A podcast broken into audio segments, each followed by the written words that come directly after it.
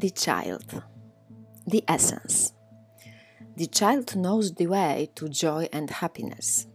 The child offers the return of a second innocence, a time born of wisdom and not of naivete. This card allows you to correct your course and offers you a second chance. It brings you the possibility of redemption and entering heaven while on earth.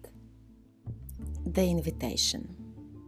The child is here to release you from the habit of being yourself and to help you acquire a beginner's mind so that you can see life as if for the first time. Remain open to learning and discovery. Who is your who is your spouse or partner today?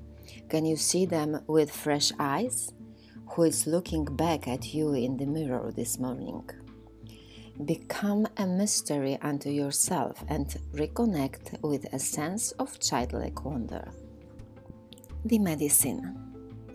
The child comes to show you how you can correct the course of your life without being punished.